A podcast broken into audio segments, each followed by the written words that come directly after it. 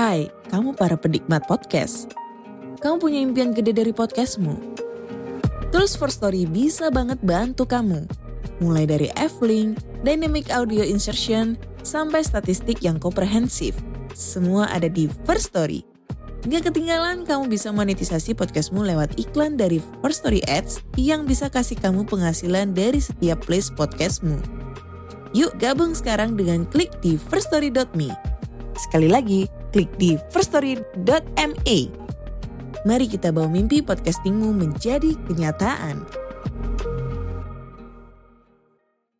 Assalamualaikum warahmatullahi wabarakatuh. Waalaikumsalam warahmatullahi wabarakatuh. Selamat malam Sobat MM. Belum bosan kan mendengarkan suara Mang Ei dan tim? Malam hari ini saya sudah kedatangan tamu yang tak asing lagi. Di depan Anda sudah ada Mas Diki atau Kang Diki.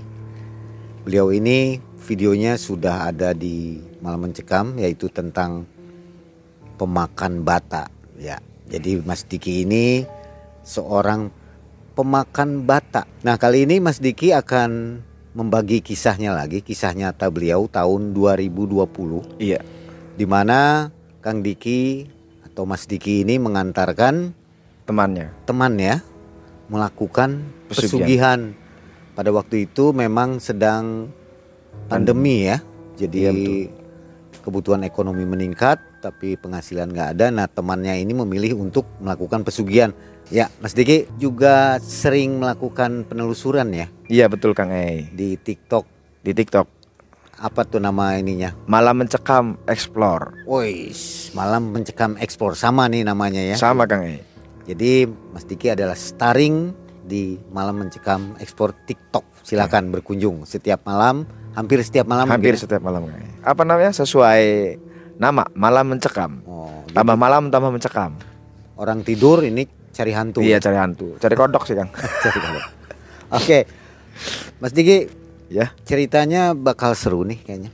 Mudah-mudahan terhibur. Mudah-mudahan menjadi inspirasi. inspirasi dan contoh yang baik untuk kita. Betul. Baiklah, kita dengarkan kisah nyata dari Kang Diki. Silakan.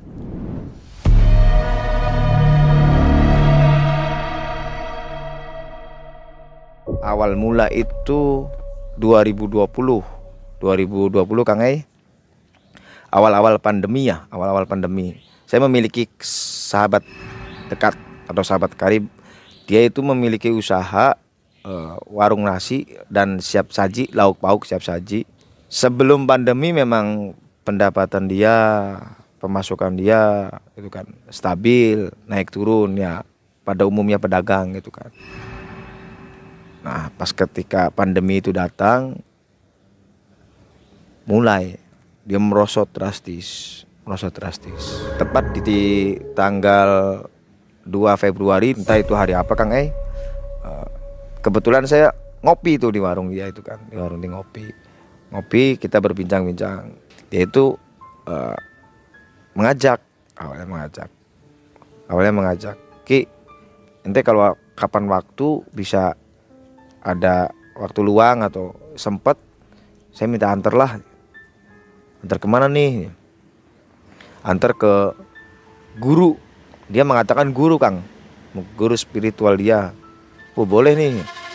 Emang di mana? Dia bilang di daerah pegunungan. Bilang di daerah pegunungan doang daerah pegunungan. Oke. Akhirnya dari situ saya pulang. Berselang tiga hari tanggal 5 Februari itu saya balik main ke situ. Dan kita pun berangkat ke guru spiritual si Dedi. Sebut aja Dedi. Nama teman saya Dedi. Nah sesampainya di situ saya pun di perjalanan kita berbincang-bincang. Dia yang dulu mobil punya mobil Kang. Sekarang pakai motor kita. Kurang lebih perjalanan 5 sampai 6 jam. Itu di perjalanan. Karena di daerah Jawa Tengah Jawa Tengah daerah pegunungan pelosok juga gitu kan. Nah setelah sam- sesampai di sana ya kalau saya gimana ya? Eh, mata kan agak agak agak agak sedikit. Bisa yang bisa namanya melihat yang halu-halu gitulah. Makhluk-makhluk yang nggak umum gitu kan. Atau makhluk gaib. Saya begitu nyampe di tempat dia aja udah ada sambutan yang mantap. Kayak kuntilanak pocong mah itu hal yang biasa gitu kan. Situ berbagai jenis siluman mungkin. Kalau di absen panjang kang.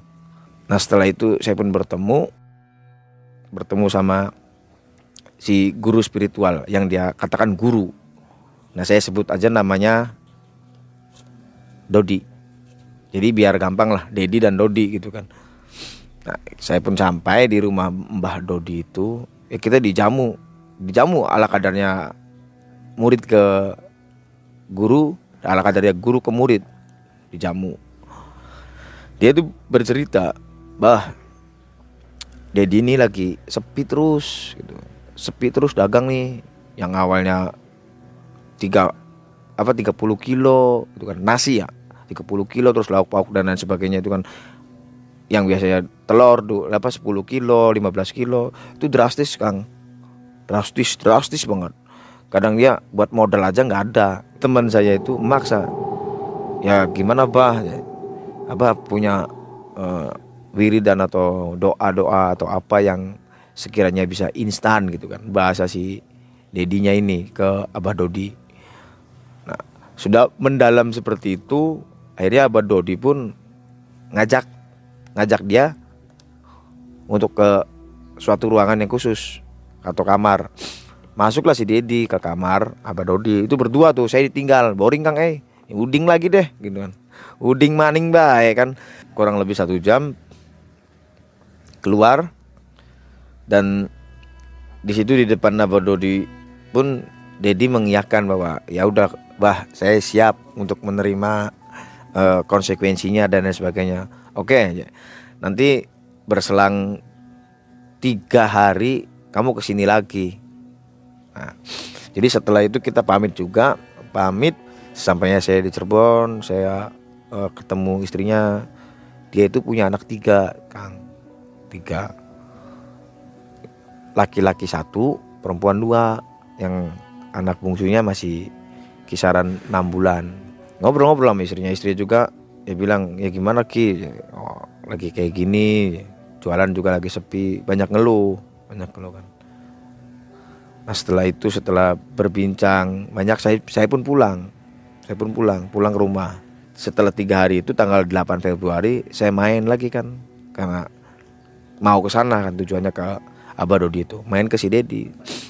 Dan gimana? Jadi ke sana. Jadi lagi. Nah terus gimana gitu kan? Konsekuensinya apa sih? Udah aja rahasia itu mah. Nanti bawa persyaratan ini itu. Ya, jadi persyaratannya itu kembang tujuh rupa.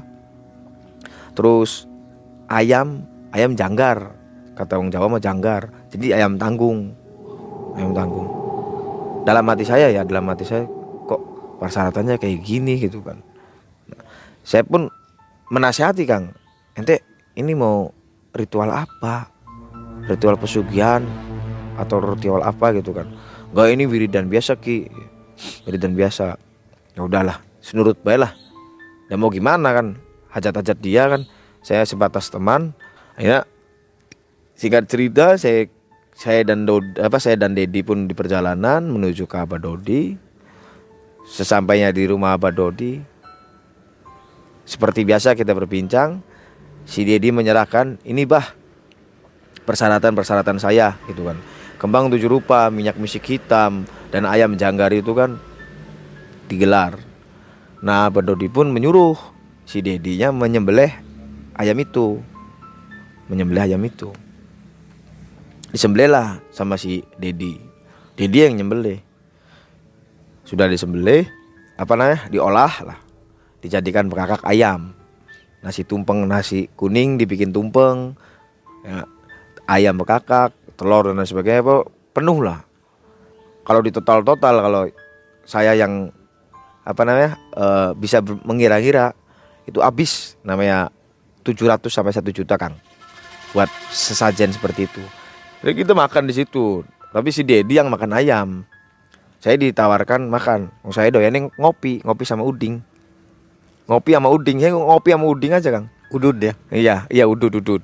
Ya, ngopi sama udud. Saya ngopi sama udud. Sambil saya tuh lah kok saya tanda tanya besar tanda tanya besar kok apa namanya si Dedi kok nggak ngelakuin ritual seperti ini? Apakah dia mengkol gitu kan jalan mengkol gitu? Kalau nyupang itu memang bagus kang. Memang saya sarankan kita itu kudu nyupang. Nyupang itu apa? Nyuda pangan alias nabung nah, kalau jalan yang mengkol atau jalan yang berbelok udah udah salah jalan gitu kan. Kemarin kan sirotol mustaqim jalan yang lurus dan benar gitu. Kalau ini udah jalan belok nih saya ya gimana ya namanya manusia kalau hati dan pikirannya udah bersatu siapa pun yang nasihatin nggak bakal bisa. Nah, akhirnya setelah itu kita berbincang ngobrol apa itu kan. Nah ada ritual ritual mandi si Dedi pun dimandiin sama Abah Dodi. Di bawah e, mata air karena Abah Dodi itu rumahnya di pegunungan. Dimandiin kebetulan saya nggak ikut. Proses pemandian itu nggak ikut. Handphone dia itu berdering terus. Saya nggak berani kan? Saya nggak berani ngangkat meskipun teman kan privasi namanya handphone kan. Jangankan teman sendiri kan kakak adik juga kan nggak berani. Kita ngacak-ngacak tanpa seizin yang punya gitu kan handphone berdering terus dari situ eh, panggilan masuk istrinya panggilan masuk ih banyak berkali-kali nelpon nasi Dedi lagi dimandiin sama tuh abah tuh abah Dodi tuh dimandiin setelah selesai mandi pulang Langsung saya kan ya, sampaikan, Dad, HP ente bunyi mulu. Bini lo tuh nelpon ya. Si Dedi telepon balik. Telepon balik pun dapat kabar katanya anak yang pertamanya itu sakit. Anak yang umur 17 18 lah kelas SMA lah. Sakit apa? Demam katanya, panas. Akhirnya ya udah nanti besok papa pulang. Nggak bisa sekarang ta, nggak bisa ini kan jauh perjalanannya gitu akhirnya selesai terima telepon pulang ke Cirebon lagi perjalanan 5 sampai 6 jam nah di dari di apa dari lokasi Abah Dodi subuh sampai ke Cirebon itu jam 11 sampai Cirebon memang anaknya sakit gitu. Sakit. Sakit biasa. Sakit biasa Kang. Bukan gara-gara makan ayam bukan. Sakit biasa ini memang sakit asli sakit. Yang saya uh, tidak habis pikir itu anak sakit dia tidak ada respect tidak ada respon. Jadi anaknya sakit. Lah udah gede lah katanya gitu kan ya saya nanya bawa periksa aja gak punya duit. Habis buat ritual yang kemarin tuh ki lah udah mati lu gak punya duit ya. Tapi buat ritual satu juta main lempar aja. Anak paling lima puluh ribu kan kang eh. Dibawa ke dokter apalagi di Cirebon kan 50 ribu udah. Umum lah periksa ke dokter. Nggak punya. Ini mah bukan saya mau apa namanya menggibah atau uh, memper apa memberitahu kebaikan saya ya.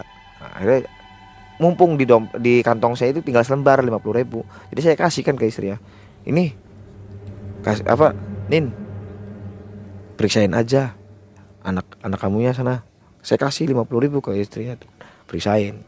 Saya pun nggak banyak bicara saya pulang. Saya pulang. Saya pulang itu di rumah sholat zuhur sholat zuhur malam. Malamnya saya kedatangan tamu kang. Entah dari mana dari mananya. Tamunya bukan manusia. Tamunya ya sosok-sosok gitulah. Saya masih diem masih tidak ada apa ya nggak halu lah. Terus apa ya dia itu bahasa Sunda sih. Saya kurang ini bahasa Sunda. Pokoknya yang intinya itu ada sia sianya lah bahasa galak gitu kan nah saya nanya ke istri gitu kan ke istri saya sendiri gitu kan. Nanya nah, itu artinya apa tuh? Artinya itu tuh jangan ikut campur. Jangan ikut campur. Saya mulai nih mulai mulai apa ingat ke si Dedi jangan ikut campur. Bagaimana ini? Maksudnya apa gitu kan? Saya diem lah. Nah si Dedi pun mengerjakan e, doa yang dari abahnya itu berselang tujuh hari dari tanggal 9 ke tanggal 16 Februari dia sambil puasa apa itu sedikit merancak merangkak naik itu usaha. Dan yang saya lihat iya iya ajib gitu kan ajib positif thinking kan. Ini mantep nih doa doanya ini dari abah Dodi ini. Saya main seperti biasa. Cuma begitu saya main kok ada hawa yang kurang enak di warungnya kan Nah, saya tidak berani menegur tidak berani menegur. Cuma hawa itu di saya lihat di warungnya tuh udah ih nggak beres nih. Coba bermalam di rumahnya si Dedi itu sampai malam melek malam. Saya lihat pagi itu istrinya. Jadi air bekas pencucian beras tuh Kang. Sebelum warung buka ya. Dia cuci beras sebelum buka warung itu siramin ke depan nah, terus yang si dedinya ini uh, bagian masak. Bagian masak lauk-lauk yang siap saji. Cuma dia pakai garam khusus. Garam sama gitu kan. Cuma dia garam khusus. Nah garamnya kayak dia taburinnya nggak pakai tangan kanan pakai tangan kiri. Ih, kok ada apa namanya tata cara seperti itu?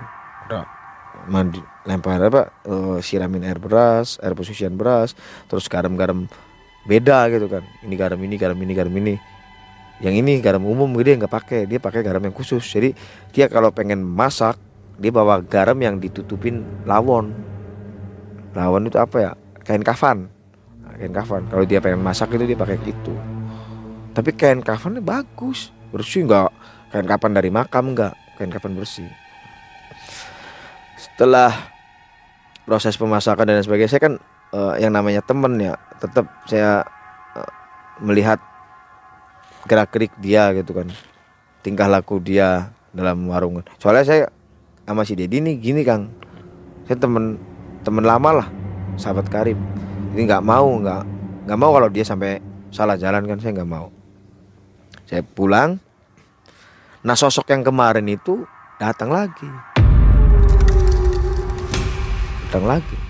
Dan ngucapin yang seperti itu sama. Sia sia tuh samilu apalah gitu loh. Ini nggak nggak main-main ini nggak main-main. Saya pun ngerasa saya nggak mampu kalau ya saya harus memberantas nih makhluk nih. Saya cuma eh, udahlah. Jadi saya renggangin nih si Dedi nih. Yang tadi ya saya sering main sering main saya renggangin sedikit sedikit sedikit. Saya berteman jaga jarak setelah tujuh hari satu bulan saya nggak main dua bulan. Tambah meranjak dari bulan Februari Maret April Mei dia tambah meranjak. Yang tadinya Nmax satu dia beli motor lagi buat istrinya. Berselang lagi ke bulan kemudiannya dia bisa beli mobil kang. Pokoknya tingkat keekonomian dia yang dulu sempat tinggi terpuruk sekarang drastis naik dalam arti nggak umum itu dia eh, apa namanya badan itu penuh dengan apa ya koreng tak apa itu kan. Penyakit lah gitu penyakit kulit lah nggak umum. Terus kurus kurus mudah gampang sakit-sakitan gampang ngigo anak yang dulu yang dulu nggak pernah sakit itu gampang ngigo kalau malam teriak-teriak apa dan sebagainya gam beli gelem beli gelem beli gelem. Udah bahasa Cirebon nggak mau nggak mau nggak mau.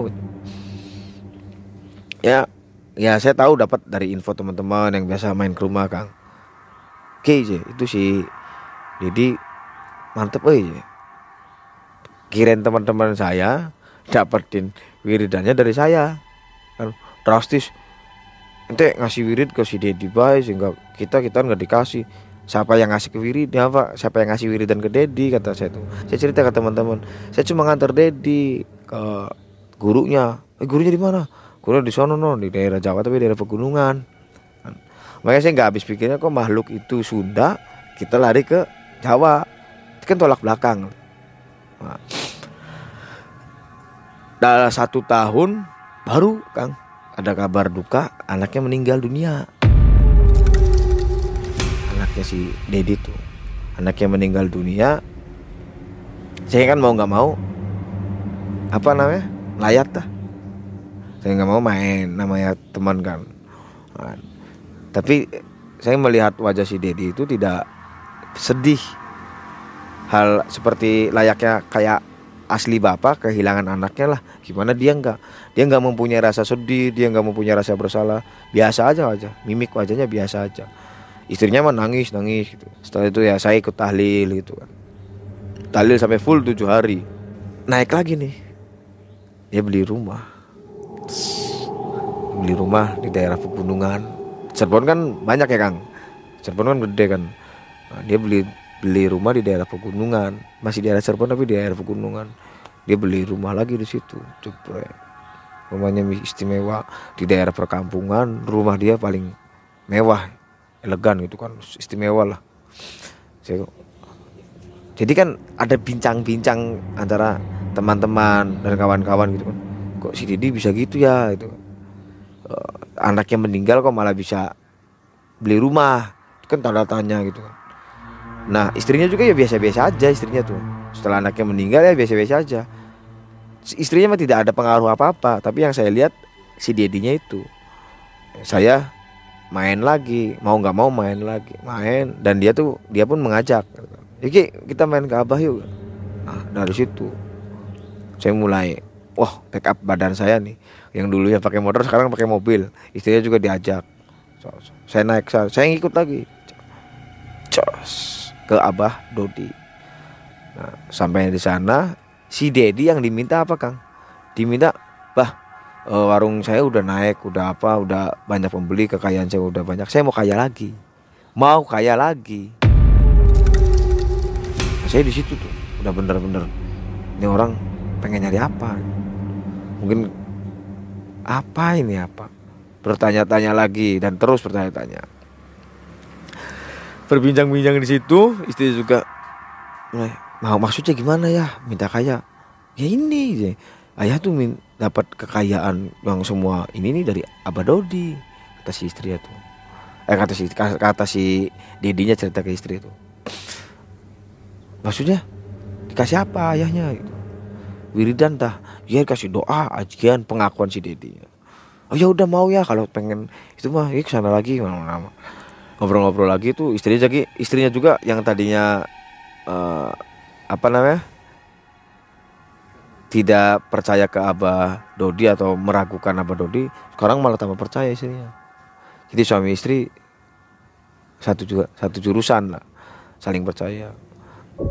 Nah Abah Dodi pun memberi memanggil istrinya juga ke dalam ngobrol sama istrinya. Karena kemarin kan si dedinya kalau mau nambah kaya ya istri ya masuk dalam. Istrinya bawa masuk dalam dikasih doa ajian dan sebagainya. Balik nah ya udah nanti besok uh, tiga atau empat hari ke sini lagi bawa kambing. Mereka kan ayam kang. Sekarang kambing. Eh balik kan saya tetap dah tutup tutup mulut diem aja. Dan saya memang manusia bodoh kan. Manusia bodoh memang bodoh ya udah bodoh. Ngikutin ngikutin alur ya dia. Coba saya tunggu tunggu saatnya. Apa nih yang terjadi? Ya wis gitu kan. Mau nggak mau kudu disadarin nih orang. Balik. Balik dia beli kambing beli kambing.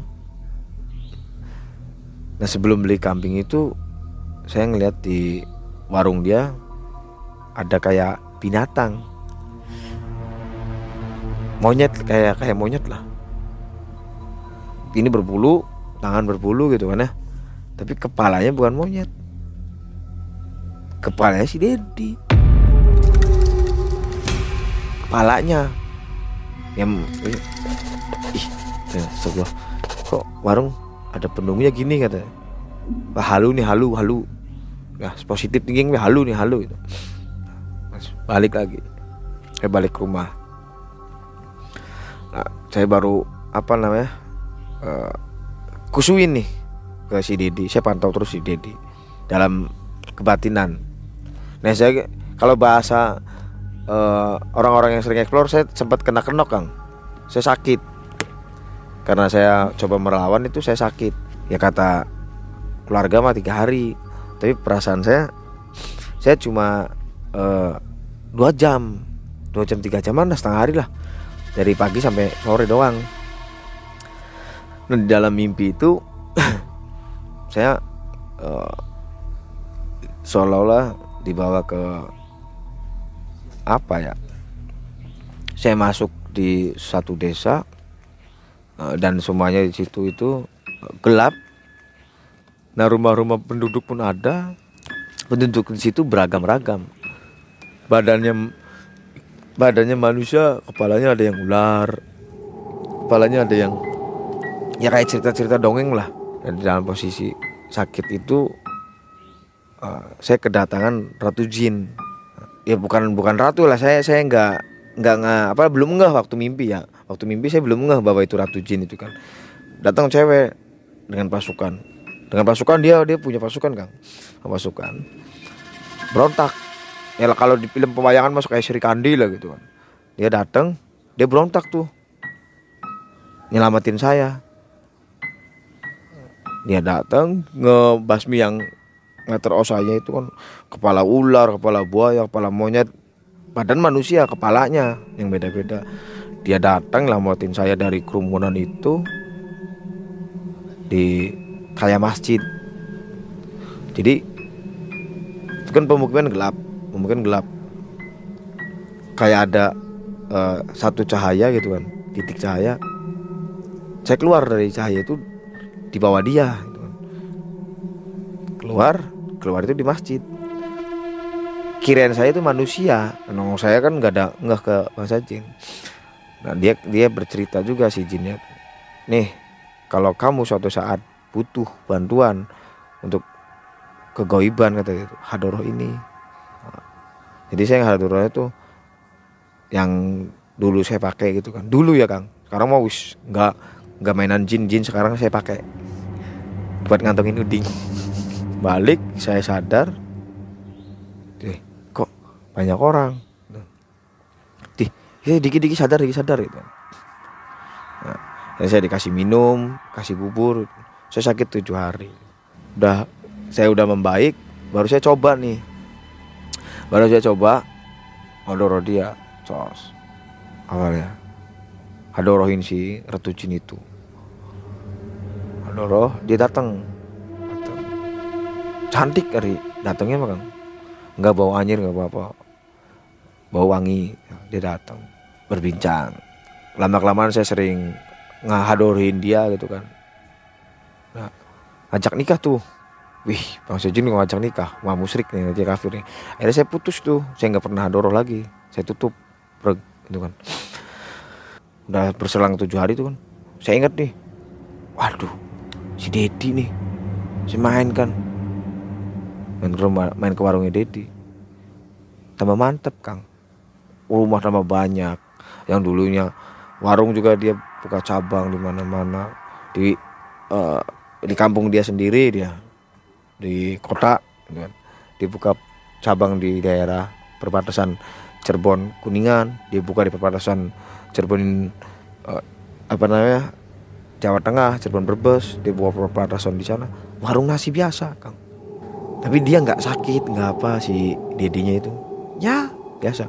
Cuma uh, dari badan dia agak gelap kulita dari badan sangar gitu kan. Wajah-wajahnya berubah. Berubah semua wajah-wajah. Nah suatu hari uh, anaknya yang kedua yang perempuan itu sakit. Sakit parah lah. Ya parah kalau kata medis mah. Jadi lidahnya keluar melet baik kayak yang dicekek sakitnya itu tiap jam 12 kang. Tiap jam 12 malam sakitnya melet-melet kayak yang dicekeknya ada saya main kan ke sana. Saya cek. Saya cek saya lihat. Masya Allah. Jadi uh, kalau yang saya lihat si anak itu tuh lagi digini nih sama sosok yang tinggi besar nih. Sama digini.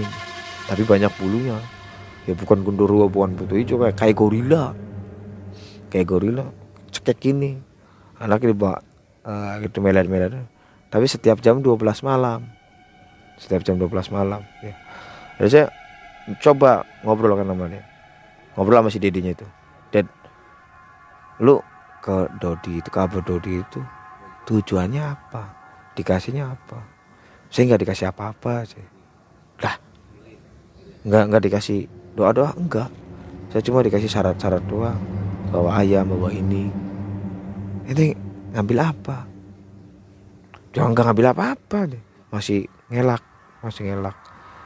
Karena dia kan masih mempunyai keyakinan ah setelah jam 12 subuh anaknya kan kembali sehat. Terus terus itu berlanjut selama tiga bulan kang. Selama tiga bulan anaknya kayak gitu dan dia rileks nyaman tentang apa dengan kehidupan dia yang seperti itu. Sudah tiga bulan itu baru sakit parah. Anaknya tuh sakit parah. Saya turun saya pun tidak kuat tidak mampu dia bukan bersujud sih dia udah mohon-mohon.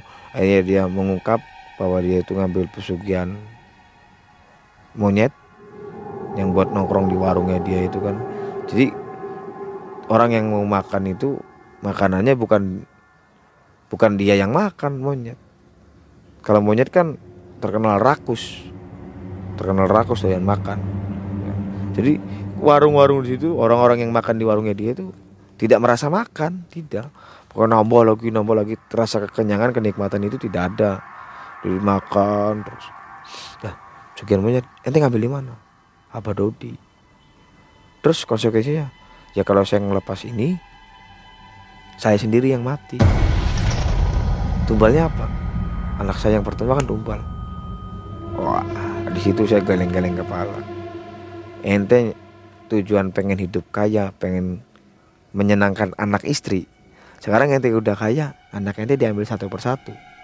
Buat apa? Saya kan nggak mampu. Akhirnya saya bawa ke guru saya. Saya bawa ke guru saya main kan si Dedi diajak sana.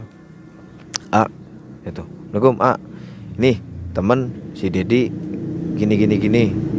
Dia udah salah jalan nyimpang dari ajaran Islam gitu kan. Dia ngambil pesugihan monyet nah, dikasih apa kata dikasih rapalan enggak enggak ya dikasih cuma suruh beli ayam beli kambing gitu kan.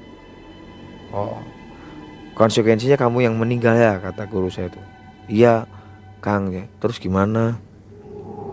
Kamu bener mau ini mau tobatan nasuha gitu? Iya. Mau nggak mau ya kudu ada ekstra perlawanan ekstra karena ini nggak main-main. Kita kalau masih melawan bangsa jin gitu mah masih hal sepele kang. Ini kan kelasnya siluman. Ya kan? Siluman itu ya susah karena ada kerajaannya gitu sedangkan dia kan Jawa. Kita harus nyebrang ke berapa kerajaan dari Cirebon ke Jawa itu kan. Ya saya nggak bisa lama nggak bisa uh, proses cepat kata guru saya paling tujuh hari uh, tujuh hari tujuh malam saya kempur nih anda bener pengen si Dedi bener pengen tobat? Iya Kang. Akhirnya di kerjain nama guru. Dikirim di apa guru sendiri guru saya sendiri yang ngerjain. Satu persatu kekayaan si Dedi hilang kang. Satu persatu hilang. Nah, dia kan tujuh hari tuh. Malam pertama dia kerja. Hilang tuh si Dedi itu warung hilang satu-satu akhirnya tetap kembali.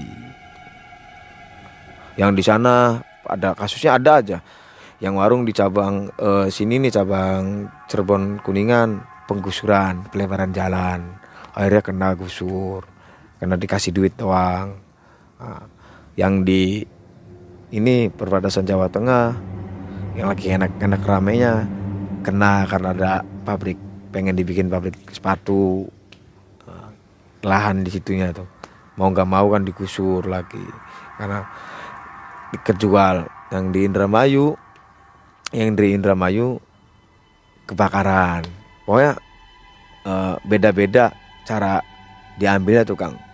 Jadi nggak uh, spontan sama semua enggak malam kedua saya kan bener-bener lost kontak juga.